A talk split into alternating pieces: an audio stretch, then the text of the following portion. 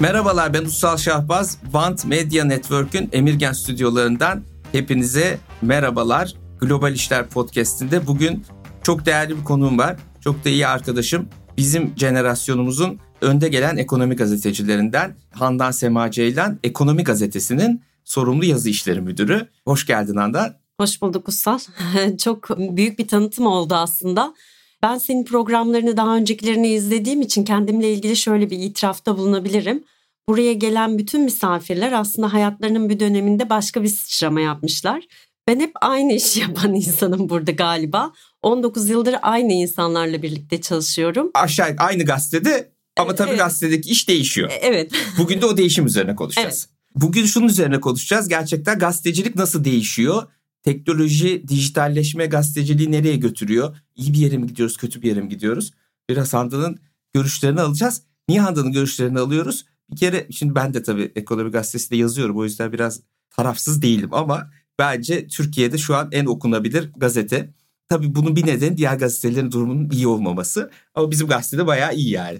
Değil mi? O yüzden bence Handan'ın yaptığı iş çok önemli ve bu 19 yıl içinde de bu işin nereden nereye geldiğini bizzat içinde görmüş durumda. Hem haber yaparak hem gazeteyi yöneterek hem haberlerin işte nasıl duracağına karar vererek birçok paydaşla bununla ilgili uğraşarak ve bu süreç içinde bu dijitalleşmeye de bizzat tanık olarak.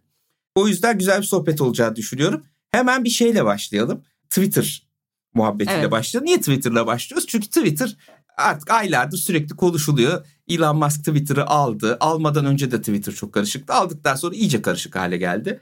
Bu hafta mavi tıkları kaldırdılar. Mavi tıklar kimlere verilmişti? Önemli kişilere. Bunun tabii bir ölçütü yok ama mesela gazeteciler önemli kişi olarak kabul ediliyordu. Dedi ki parasını vermezseniz mavi tıkınızı geri alacağım dedi. Sonra şöyle bir şey yapmış. Amerika'da bazı gazetecileri parasını vermemişler. Bu arada konuştuğumuz para ayda 8 dolar. Ama millet de vermek istemiyor. Niye ben buna para veriyorum Ben de diyor. senin için içerik üretiyorum. Diyor. Sen de benim içeriğimden para kazanıyorsun diyor. Elon Musk demiş ki ben demiş sizin paranızı cebimden veriyorum demiş. Böyle birkaç gazeteci cebinden vermiş. Sonra iş karıştı. Bir milyondan fazla takipçisi olanları geri verdiler mavi tıklarını. Şimdi Elon Musk böyle biraz e, kafasına göre Tıkların yönetiyor. renkleri değişti. Tıkların renkleri değişti. Bir de tabii tıkın ruhunda bir değişiklik oldu. Çünkü şimdi parayı veren alıyor. Parayı veren alınca aslında bu kişi önemli mi değil mi? O bu kişi o kişi mi? Onu da bilmiyoruz. Başka bir kişi de alabilir. Çünkü doğru düzgün bir kimlik doğrulama da yapmıyorlar. Eskiden bayağı ciddi çalışıyorlardı. Ama eskiden de şöyle bir problem vardı. Önemli olmanın bir objektif ölçütü yoktu. Özellikle yani mesela Amerika'da tanıyor kim önemli kim diye. Türkiye'de kimseyi tanımıyor. Öyle aradan sen ben de önemliyim deyip alabiliyordun. Şimdi belki o biraz düzelecek ama yani bu iş böyle iki tarafı ayrı bir problem. Ama Twitter'ın zaten her tarafı problem. Şimdi biraz sosyal medyadan bahsedelim.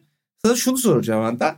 Haber sosyal medyadan mı alınır? Televizyondan mı alınır? Gazeteden mi alınır? Nereden alınır haber? Yani nereye bakacağız? Haber doğru haberciden alınır Hı. diyorum.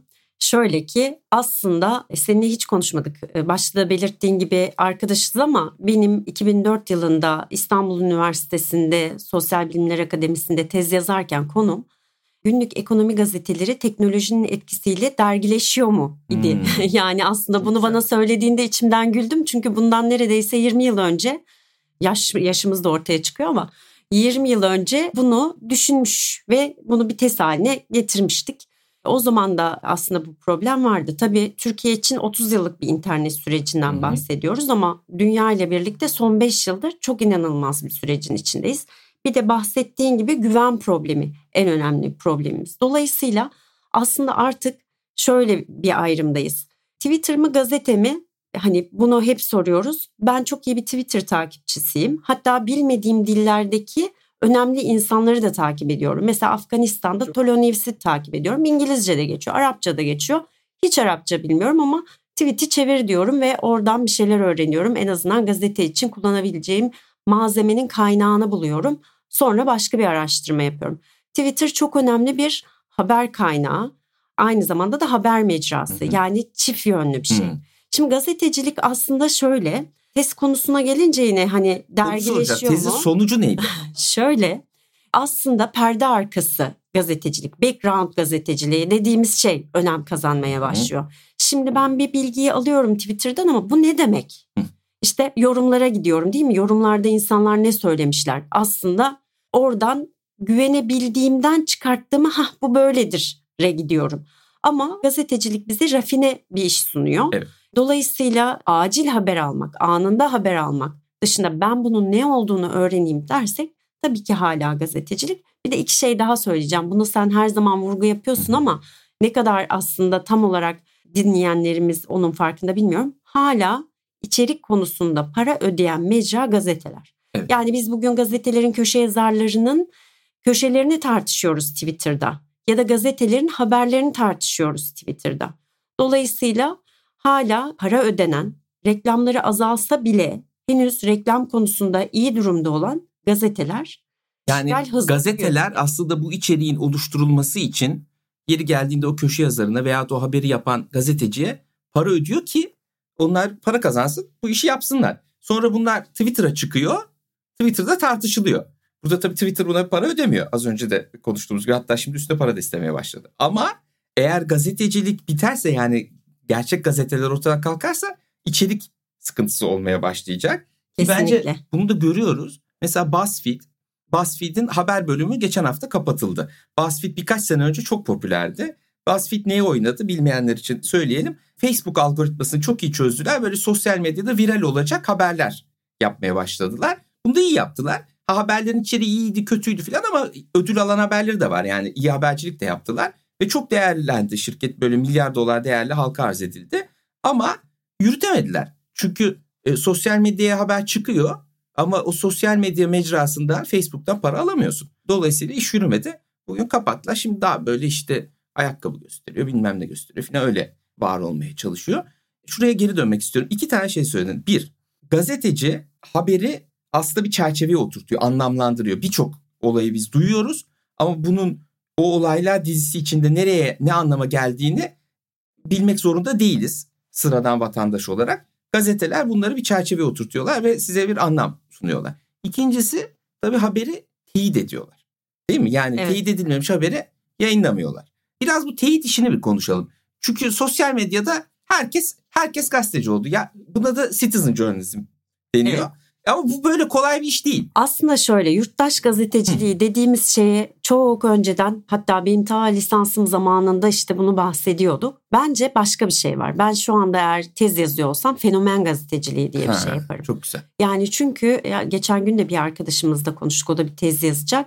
Şu anda aslında biz tırnak içinde sistem dışı kalan gazetecilerin yorumculuğunu izliyoruz. Hı hı. E, dolayısıyla bir takım haberler de onlara geliyor olabilir, onları veriyor olabilirler. Ama teyit meselesine gelirsek şunu söylemek gerekiyor. Ben bir ihtisas yayınında çalışıyorum. Evet. Ekonomi gazetecisiyiz. Dolayısıyla pek çok haber kaynağımız zaten bizim bu alandaki paydaşlarımızdan. Evet. Olayın gerçek olup olmadığını birkaç yerden birlikte teyit etme şansına sahibiz. Hı. Ama şimdi mesela e, atıyorum bugünlerde işte dolarda bir hareket oluyor. Bizim o fenomen gazetecisi dediğimiz atıyorum 32. gün gazeteciliği yapan bazı arkadaşlarımız oturuyor dolar konuşuyorlar. Hı. Dolayısıyla halk ne kadar bir şey biliyorsa aslında o kadarını sunuyorlar. Kötü Doğru. bir şey değil. Yaptıklarını kötü bir şey olarak görmüyorum. Çünkü bu da bu mecranın ve çağımızın gereği. Ama eğer insanlar hala bu konuyla ilgili önemli bir şey anlamak istiyorlarsa atıyorum Ekonomi Gazetesi'nin Alaaddin Aktaş'ı okuyorlar. Okuyorlar. Evet Zaten okuyorlar öyle oluyor. Ve o, evet. Şunu soracağım. Sana bir haber geldi. Evet. Bir muhabir yazdı. Evet. Veyahut sana birisi fısıldadı. Hı hı. Bunu gazeteye basma sürecine gelene kadar nasıl bir süreç geçiyor? Kaç kişiye soruyorsun? Bunun kuralları var mı? Yani bir Tabii proses ki. var mı burada? Tabii ki. Şimdi her yayının kendi yayın politikası var mutlaka. Hı hı. Hatta bu yayın politikaları ve yayın ilkeleri de zaman zaman ilan edilir. Büyük gruplarda da girişlerde hatta bunu bu simgesel ha. olarak asarlar, Kesinlikle. yaparlar, e, işte duyururlar. Şimdi burada önemli olan muhabiriniz bir haber getirdi. Zaten sizin muhabiriniz, muhabirinize güveniyorsunuz. Hangi kaynaktan aldığı yazı işlerinin o mahrem masasında konuşulur. Dışarıya evet. asla söylenmez Tabii. ama o mahrem masada konuşulur. Ve dolayısıyla daha önceden daha deneyimli olup o sektörde olan insanlar yazı işleri masasında olduğu için üzerine tartışılır. Neyin ne kadar nasıl yazılması gerektiği de konuşulur. Haber muhabirindir ama bu kolektif bir iş. Hı-hı. Dolayısıyla teyit edilir, kaç yerden sorulur, emin olunur ve en sonunda da eğer yazı işleri masası bunu onaylıyorsa o haber basılır. Yani bunu o zaman bir kolektif akıl var. Tabii ki. Şimdi mesela haberi muhabir X kişisinden almıştır. Çok credible bir kaynaktır. Onu teyit etmek daha kolay olabilir. Ama Y kişisinden almıştır. Daha bilinmeyen biridir. Onu belki 5-6 kişiye soruyorsun. Oradaki o artık o kolektif akıl buna karar veriyor. Ve bir şekilde doğruluğunda büyük ölçüde kanaat getirdiğin zaman basıyorsun. Tabii ki hiçbir şey %100 bilemezsin ama çok Evet. büyük ölçüde bunun doğru olduğunu düşünüyoruz diyorsun. Mutlaka taraflara da soruyoruz. Cevap vermiyorlar Vermeyebilir genelde. ama söz Ama- hakkı tanıyorsun. Ama söz hakkı tanıyoruz. Genelde ertesi gün haber çıktıktan sonra o söz hakkını kullanmak istiyorlar. Ama sonuçta ben kendi yayınımız için şunu söyleyebilirim. Biz gazetecilerin gazetesiyiz diyoruz. Çünkü yönetim kurulu başkanımızdan tutun bizim en alandaki koşturan acar muhabirimize kadar herkesin gerçekten söz hakkı var. Bazen hani öyledir böyledir tartışmalar olur ama herkes her konuda ısrar edebilir. edebilir Ee, ve orada bir artık akıl çak şey çatışması oluyor. Çatışması oluyor. Bir karar Evet. veriliyor. Peki ama şimdi Twitter'da böyle bir şey yok. Yani bir fenomen gazeteci veyahut böyle şeyler var. Kimin yönettiği belli olmayan haber veren hesaplar var ama Evet. milyon takipçisi var. Evet. Bunlar bazı haberleri çıkarıyorlar. Bunlar tabii aynı teyit süreçlerini kullanmıyorlar büyük bir olasılıkla. Çünkü bir kere kullanacak kaynak yok. Yani öyle bir kurul yok değil mi? 5-6 tane üstad gazeteci oturacak. Ya bu mantıklı mı atıyor mu bu adam falan. Öyle bir birikim yok orada. Tabii. Bence en büyük problem o. Tabii biz büyük bir tankeriz diye düşünün Hı hı. boğazdan geçmeye çalışan. Hı hı. Dolayısıyla rotamızı çok iyi belirlemek Hı hı. zorundayız. Ama küçük bir sandalla hemen e, aksiyon alabilirsiniz. Hızlı balık ama olabilirsiniz. Ama ağlara daha çabuk takılırsınız. Böyle bir durum var. Şimdi şöyle söyleyeyim. İşte dediğim gibi mecraların ruhu var. Hı hı. İlk önce Amerika'da televizyon çıktığında radyocular gerçekten büyük depresyon yaşamışlar. Yani hani şimdi de diyoruz büyük istifa, büyük depresyon. O zaman da böyle bir şey yaşanmış. Demişler ki bunun resmisi varken ne yapacağız? Biz hala şu anda arabalarımızda radyomuzu açıyoruz. Doğru. Demek ki mecralar kendi içerikleri açısından bu şekilde güçlenerek yollarına devam ediyor. Veya podcast. Podcast. Niye podcast de radyonun bir formu aslında değil mi? Yani Evet. Biz aslında şu anda radyoculuk yapıyoruz. Sadece zamandan bağımsız olarak dinlenebiliyor. Evet, stüdyomuz da çok güzel. Böyle Bir radyo stüdyosu da böyle oluyor Evet, zaten. Evet. Dolayısıyla bazen form değiştiriyor ama bence mecraya olan ihtiyaç ortadan kalkmıyor. Ve dolayısıyla benim düşüncem gerçek haberciliğe olan ihtiyaçta yani teyitli, onu haberi kontekstine oturtarak, bir kavramsal çerçeve oturtarak veren haberciliğe olan ihtiyaçta kalkmayacak. Tek problem bunu nasıl finanse edeceğiz? Bence daha da artacak Ussal hatta. Evet. Çünkü bilgi daha çok arttıkça ve Doğru. internet bombardımanının içinde oldukça daha çok artacak ki önümüzde yapay zeka diye de bir şey var. Evet. Aslında buradan belki de başka bir tartışma alanı açacağım bize. Şimdi bu işi rafine etmekten bahsediyoruz ya. Şimdi bilgileri teyit etmek başka bir habercilik. Bir de alınan veriyi değerlendirip insanlara bir öngörü sunmak Evet. başka bir şey. Şimdi burada da yapay zeka ile aslında yüzyılların gazeteciliği arasında bir ya akrabalık olacak ya da büyük bir çatışma Evet. olacak. Şimdi bence bütün bu mecralar, bu değişen mecraların ruhuna yönelik işler olmaya devam edecek. Dolayısıyla biz insanlara bilgi rafine etmeye başlayacağız. Bir şey söyledin çok önemli. Bazı milyonluk hesaplar var. Hı hı. 20 tane çok düzgün şey veriyorlar. Ama Ha, bir tane Evet. aralarında mesela bunu gerçekten bu podcast'te dinleyenler lütfen dikkat etsinler. Ben de takip ediyorum. Adını sanını bilmiyoruz. 360. derece, Derece. atıyorum. Bilmem ne şimdi isim veriyorum yanlış isme gitmesin ama bir takım böyle yerler var. 20 tane haber. Hepsi doğru. Ama aradaki bir tane bizi manipüle eden şeyi görmeme şansına Bu arada, sahibiz. bu arada şimdi bunu söyleyip çok iyi oldu bence söylediğin. Bu bir dezenformasyon taktiği. Bu iş zaten böyle yapılıyor. Dezenformasyon yapan hesaplar her şeyi dezenformasyon, her şeyi yalan haber olarak yapmıyorlar. O zaman kredibiliten kalmaz. 20 tane doğru haber yapıyorsun, bir tane yalan haber yapıyorsun. O 20 doğru haberi zaten yalan haberi yapmak için yapıyorsun ki kredibilite kazanasın, takipçi kazanasın vesaire. Ha şimdi bu yalan haberin iki tane nedeni olabilir. Bir maksatlı olarak yalan haber yapıyor olabilir. Yani bir operasyon hesabıdır. Veya istihbarat literatüründe useful idiot denilen birisi ona o yalan haberi vermiştir. Bunun da teyit sistemi yoktur. O da yazmıştır direkt. Çünkü yalan haber çok ilgi çekiyor. Zaten yapılan araştırmalar şunu gösteriyor. Yalan haberlerin retweetlenme oranı gerçek haberlerden 7 kat fazla. Çünkü Doğru. yalan haber daha seksi, daha büyük patlama Kesinlikle. yaratıyor. E bu hesaplarda o ağa düşüyorlar dediğim gibi. Hızlı gideyim derken küçük balık o ağa düşüyor. E her zaman kötü niyetli olmayabilirler ama bu onların sorumluluğunu ortadan kaldırmaz. Çünkü sen eğer 500 bin takipçin varsa artık bir yayıncısın ve o yayıncılık sorumluluğunda bence hareket etmek zorundasın. Yalan habere karşı güçlü bir filtre oluşturmak zorundasın. Dolayısıyla dinleyicilerimiz açısından burada önemli olan şu yalan haber ya da dezenformasyon yapmanın yolu zaten önce doğru haber yapmak. Sonra araya bir tane sıkıştırmak evet, yalanı. Doğru. Bu iş Ve böyle biraz işliyor. önce söylediğin şey konusunda bence Türkiye çok iyi bir laboratuvar. Hı. Kullanışlı aptallık dedin Evet. ya tırnak içinde. Gerçekten hani biz zaten son dönemimiz bunu çok net görebiliyoruz. E, valizlerle belgeler taşıyan Doğru. gazeteciler gördük biz.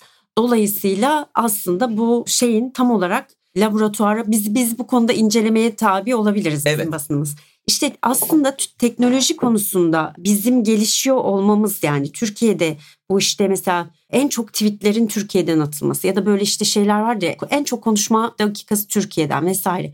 Bu kadar teknolojiye meraklı olmamızın altında da aslında doğruya ulaşma isteği var. Evet. Ama tam da ava giderken avlanır duruma Evet. düşüyoruz Çok burada. doğru. Yani doğruyu arıyor. Bazı ana akım kaynaklarda bence vatandaş doğruyu bulamıyor. Oraya da güveni yitirmiş durumda. Ama bu sefer döndüğü yer tamamen yalan üzerine kurulu hale gelmiş. Dolayısıyla böyle bir problemle karşı karşıyayız. Bu da tabii toplumsal bölünmeleri arttırıyor, kutuplaşmayı arttırıyor. Aynı bilgi ortamında buluşamayınca insanlar tabii demokratik tartışma da oluşamıyor. Çünkü bazı gerçekler üzerine tartışmak lazım ama herkesin gerçeği farklı. Bu da bence demokrasi açısından bir problem. Tabii nasıl bunu kurtaracağız? Çünkü gazetelerin de kaynağa ihtiyacı var. E o kaynaklar gittikçe azalıyor. Bence çok büyük bir problem. Yani sizin yaptığınız iş çok önemli. Kamusal bir iş. Evet şimdi Ekonomi Gazetesi Yönetim Kurulu Başkanı Hakan Güldağ ve Sürdürülebilirlik Editörümüz, Koordinatörümüz Didem Eryer bundan bir ay önce Avrupa Ekonomi Basını'nın Londra'daki Hmm. toplantısına katıldılar. Biz de aynı zamanda gazete olarak yönetim kurulundayız zaten Avrupa Ekonomi Basını'nın. Şimdi biz Avrupa Ekonomi Basını'nın bu şeyi aşmada iki tane yol izlediğini görüyoruz. Bir tanesi kişiye özel içerik. Yani sen borsa mı ilgi alanın? Sana borsa haberlerini yollamak. Bu ya da sadece borsa haberlerini istiyorsan ona göre bir içerik sunmak ve bu içerikten de senden para almak ama ben okurdan ya da dinleyenden, izleyenden para almanın asıl gelir kaynağı olduğunu düşünmüyorum. Bir başka gelir kaynağı da etkinlikler. Çünkü Evet. uzman gazeteciler uzmanlıklarını paylaşmak istiyorlarsa bu yapılan etkinlikler sayesinde başka bir alan açıp bir şekilde kazanç sağlayacaklar. Doğru. Bence etkinlik işini bu arada siz de gayet iyi yapıyorsunuz. Ee, bayağı yürüyor o iş. Ama şeyde yani Türkiye'de bence içeriye para verme konusunda hala bir problem var. Yani biz hepimiz bu içerikleri ben de dahil bedavaya kullanıyoruz. Bunun bir bedeli olması lazım. Özellikle de bence hani iş dünyası ile ilgili daha senin işine yönelik içeriklerse bunun bir bedeli olması lazım. Nedense bizim insanımız tabii ki Türkiye'nin ekonomisi küçük, gelirler az. Bence bu bir problem. Yani Londra'da tabii ki daha varlıklı insanlar, gelirleri daha yüksek. Bu işe bütçe ayırabiliyorlar ama bir şekilde içeriye yani bu işlerin bedava olmadığının anlaşılması gerektiğini Çok doğru ama şöyle bir şey bu da işin ruhuna aykırı. Uysal. Yani Niye? ben, ben yani, Yani, reklam veren de bunu finanse edeceğine okur finanse etse daha iyi değil mi? tabii ki daha iyi. Şimdi mesela fenomen gazetecilerden bahsederken aslında bazı gazetecileri hatta bazı medyacıkları diyeyim Hı hı. insanların okurların finanse ettiğini de gördük. Bizde Doğru. de çok doğru bir şekilde Doğru. finanse ettiler mesela.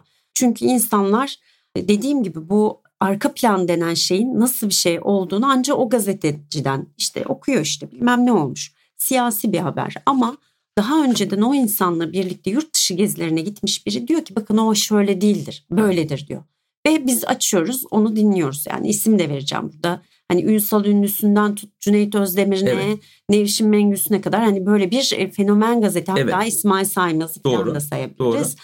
Böyle bir fenomen gazeteciliği içinde insanlar. Türedi. Böyle bir şey Türedi. türedi. Dünyada da var bu Dünyada da var. Dünyada Evet, da var. dünyada da var. O yüzden ben hani diyorum ya yeni olan her şeye böyle bir ön yargı ay işte kötü. Ne güzel de eski Ramazan bayramları. Hani ye- yenileri Evet kötü ama yani Hayır bitti. değil yani. Evet. Ama bu şimdikinde başka bir şey. Evet. Şimdi işte atıyorum o zaman direkler arasında bir şey yapıyorduk. Şimdi işte mesaj atıyoruz. Evet. Mesela ben daha önceden hiç bilmiyorum iş dünyası iftar verirdi. Şimdi sahur vermeye başladılar. Yani böyle enteresan. Şimdi Ramazan, Dinamikler. evet Ramazan bayramından yeni çıktık. Aklıma oradan geldi ama yani durum biraz şey zamanının e, ruhuna da Ruhunu çok yakalamak Evet lazım. ben şeye çok kızıyorum. Mesela e, Z kuşağına çok kızıyorum. Apolitikler şöyle böyle. Yo bence hiç öyle değiller. Onlar da dönemin insanları. Doğru. Ya da işte çocuğa bu kadar tablet verme. Evet belki 1-2 yaş Tamam. için doğrudur. Ama sonrası için çocuk bu teknolojiyle yaşayacak. Zaten bunu kullanacak. Evet, Eskiden zaten- kağıt kalem verme diyor muydun? Evet Demiyordun. böyle bir şey. şey yoktu. Ben mesela şu anda muhteşem yazılım beyinleri var. Hepsi ergenlik çağında o alınan kırılan dökülen bilgisayarı söküp takmış tipler. Doğru. Dolayısıyla böyle teknolojinin ya da yeni dönemin getirdiği her şey kötü değil Doğru. ama manipülasyona çok açık. Çok açık. Teknoloji yeni dönem deyince bir konumuz daha var. Onunla da yavaş yavaş bitirelim. Çok iyi bir kitap okuru olduğunu biliyoruz. E, gazetenin kitap ilavesinde de zaten yazılarını takip ediyorum ben. Biraz yani kitap nereye gidiyor onu da konuşalım. Çünkü kitap şimdi tabii okunması zor bir şey. Değil mi? Yani vakit alan bir şey. Herkesin dikkati aşırı derecede dağıldı. Sosyal medyaydı, işte kısa haberlerdi, bilmem neydi. Çok fazla kaynak var. Ama az önce söylediğimiz o hani bir şeyi çerçeveye oturtmak, daha iyi anlamak, öğrenmek için de kitap önemli bir şey. Ne görüyorsun? Avrupa'daki fuarlara falan da gidiyorsun. Şimdi evet en son Frankfurt Kitap Fuarı'na gittim. Orada da çok büyük yayın evlerinin inanılmaz güzel standları var. Hı hı. Birkaç şey üzerinde çalıştıklarını gördüm. Şimdi bizde basılı iş maalesef şöyle bir şey. Biz basılıya tam alıştığımız bir dönemde güven problemi nedeniyle basılıdan ayrılmış insanlarız. Doğru. Şimdi bakıyoruz insanların okuma kültürlerine yine ekonomi basına getireceğim bir şey ama önce ekonomi basını vardı diyeceğim. Çünkü liman kentlerinde aslında emtia fiyatlarını pamuk kahve Doğru. ne kadarmış metal ne kadarmış diye atıyorum Hollanda'da Londra'da Doğru. gelişmiş Doğru. basın Doğru. kağıtlar. İlk aslında emtia fiyatlarıdır Evet, değil mi? emtia- Hala bizim Penny kuru incir, kuru incir e, işte bilmem Evet, ne oldu hala- falan çıkar. Evet evet Doğru hala mu? bizde de var. Hala önemli insanlık şey yani penny papers diye bir şey var. Bir penny'e satılan kağıtlar Londra'da. Hmm. Yani önce ekonomi basını vardı. Şimdi biz bu geldiğimiz noktada ekonomi basınının hala basılı mı olacağını, dijital mi olacağını konuşurken kitaplar konusu zaten bambaşka bir alan. Şimdi biliyorsun sesli kitaplar çıktı. Doğru. İnsanlar yolda giderken belki politikadan uzaklaşmak için vesaire sevdikleri bir ses sanatçısının ya da işte tiyatrocunun sesinden e, dinleyerek gidiyorlar ya da bir dili öğrenmek için de bunu kullanıyorlar vesaire. Ama şöyle düşünüyorum Kindle'lar vesaireler olsa da kitap böyle lüks bence hani böyle, böyle şey var ya şimdi böyle eldivenler giyilerek Hmm. satılan çantalar falan. Yani böyle bir durumu olsa da kitaplar çıkmaya devam edecek ama Şimdi bakıyorum biz üniversitedeyken çok rahat kitap alabilen insanlardık. Evet. Yani işte hatta ba- bayram harçlıklarımızda bize işte bu kaset parası, bu CD parası, bu işte bu parası. kitap parası diye verilirdi. Şimdi en ortalama bir kitabın yani özel çeviri vesaire de olmadığı halde bir kitabın çocuklar için çok masraflı olduğunu Doğru. görüyorum. Doğru. Dolayısıyla kitap okumaktansa video izlemek artık onlar için daha şey. Bir de dünyanın geldiği noktada da böyle işte okuyalım falan bir şey yok. TikTok üzerinden akım izlemek diye bir şey Evet. var. Dolayısıyla çok zor bir durumda fikir dünyamız. Ama ben şuna inanıyorum. İnsanların bir döneminde yani bütün öğrencilerin vesairenin belki sosyallikten uzak oldukları bir Hı dönemde hı. sığınabilecekleri güzel bir alan. Hatta ben bunu yazılarımdan birinde yazmıştım ama unuttum. Şimdi e, kaynağımı unuttum yani. Biz haberciliğin hastalıklarından şeydi biri kaynağını versem iyiydi. Yaşam ömür süresini 4 yıl uzattığı tespit edilmiş. Çok kitap okumanın. Düz- Düzenli okuyan insanların. Bu da tamamen beynini geliştiriyorsun. Hı hı. Alzheimer olmaya, demans olmaya daha az yatkın oluyorsun ve bir şeyleri çözümlerken hani hayat problem çözmek ya bir taraftan o problemleri çözerken de kullanıyorsun. Doğru. Dolayısıyla bizim okuma hayatımızda böyle bir şey olmak zorunda. Şimdi bakıyorum mesela Türkiye'de de önemli işler yapan yayın evleri var. Onlar da başka işler yapmaya başladı. Hmm. Mesela bir tanesi Darüşşafaka'nın kitap sponsoru oldu. Darüşşafaka basket Takımının? takımının bir yayın yapıyor? evi e, söyleyeyim marka söylememde Yo. sakınca yok değil mi? Can yayınlarının tribünü var. Can yayınları Ha. tribünden bilet alıyorsun vesaire. Ha, o da ona bir gelir. Evet o da Evet. ona gelir veriyor. Kitap alıyorsun vesaire. Zaten hani orada bu basket izleyen çocukların okumaya yatkınlığı daha fazla denir hani tırnak içinde. Ha, Dolayısıyla böyle bir şey yapıyor. Ya da işte başkası mobil bir işte Evet. e, şey var kültür sanat Evet. filmleri. Diyor ki Mubi'den bu filmi izleyeceksin ama bu kitabı oku diye tavsiyelerde bulunuyor. Bambaşka işler yapmaya Hmm. başladılar onlar. Yani aslında bu piyasada pazarlama yöntemleri bir evet. şekilde yeni dünyaya adapte oluyor ama ben gene tür olarak yani janr olarak kitabın ölmeyeceğini düşünüyorum. Çünkü bir kere gerçekten bir konuyu baştan sona anlayabilmek için çok önemli bir şey. Onu yani bir işte TikTok videosuyla falan anlayamıyorsun. Bir de sakinleşmek için Yani Evet işte. değil mi? Sakinleşmek için. insanlarımız- Evet. İşte diyorum ya belirli dönemde böyle yalnız kalıp biraz Tabii. kafayı Tabii. e, gerçekten çok koşturan ve bu hayatın biraz bu panik tarafında yaşayan insanlar için çok iyi bir antidepresan. Çok teşekkür ederim. Ben teşekkür ederim. Bence çok güzel oldu. Yani dinleyicilere şöyle bir perspektif çizdiğimizi düşünüyorum. Dijitalleşme yayıncılığı nereye götürüyor? Biz burada neyi nasıl dinleyeceğiz ve neye inanacağız, neye inanmayacağız? Bu bence çok önemli bir soru bugün dünyada. Çoğumuzun da düşünmeye vakit bulamadığı bir soru. Umarım birazcık dinleyicilerimiz bu konuya kafa yormuşlardır. Evet. Ulusal bu hani belki ABC'sine yeni başladık. Bu konu çok derin. Belki de dinleyenlerimize yüzeysel kaldıysa daha sonra bir de bir hardcore'unu Tamam yaparız. yaparız. tamam. Çok Tamamdır. teşekkürler. Görüşmek üzere. Güle güle.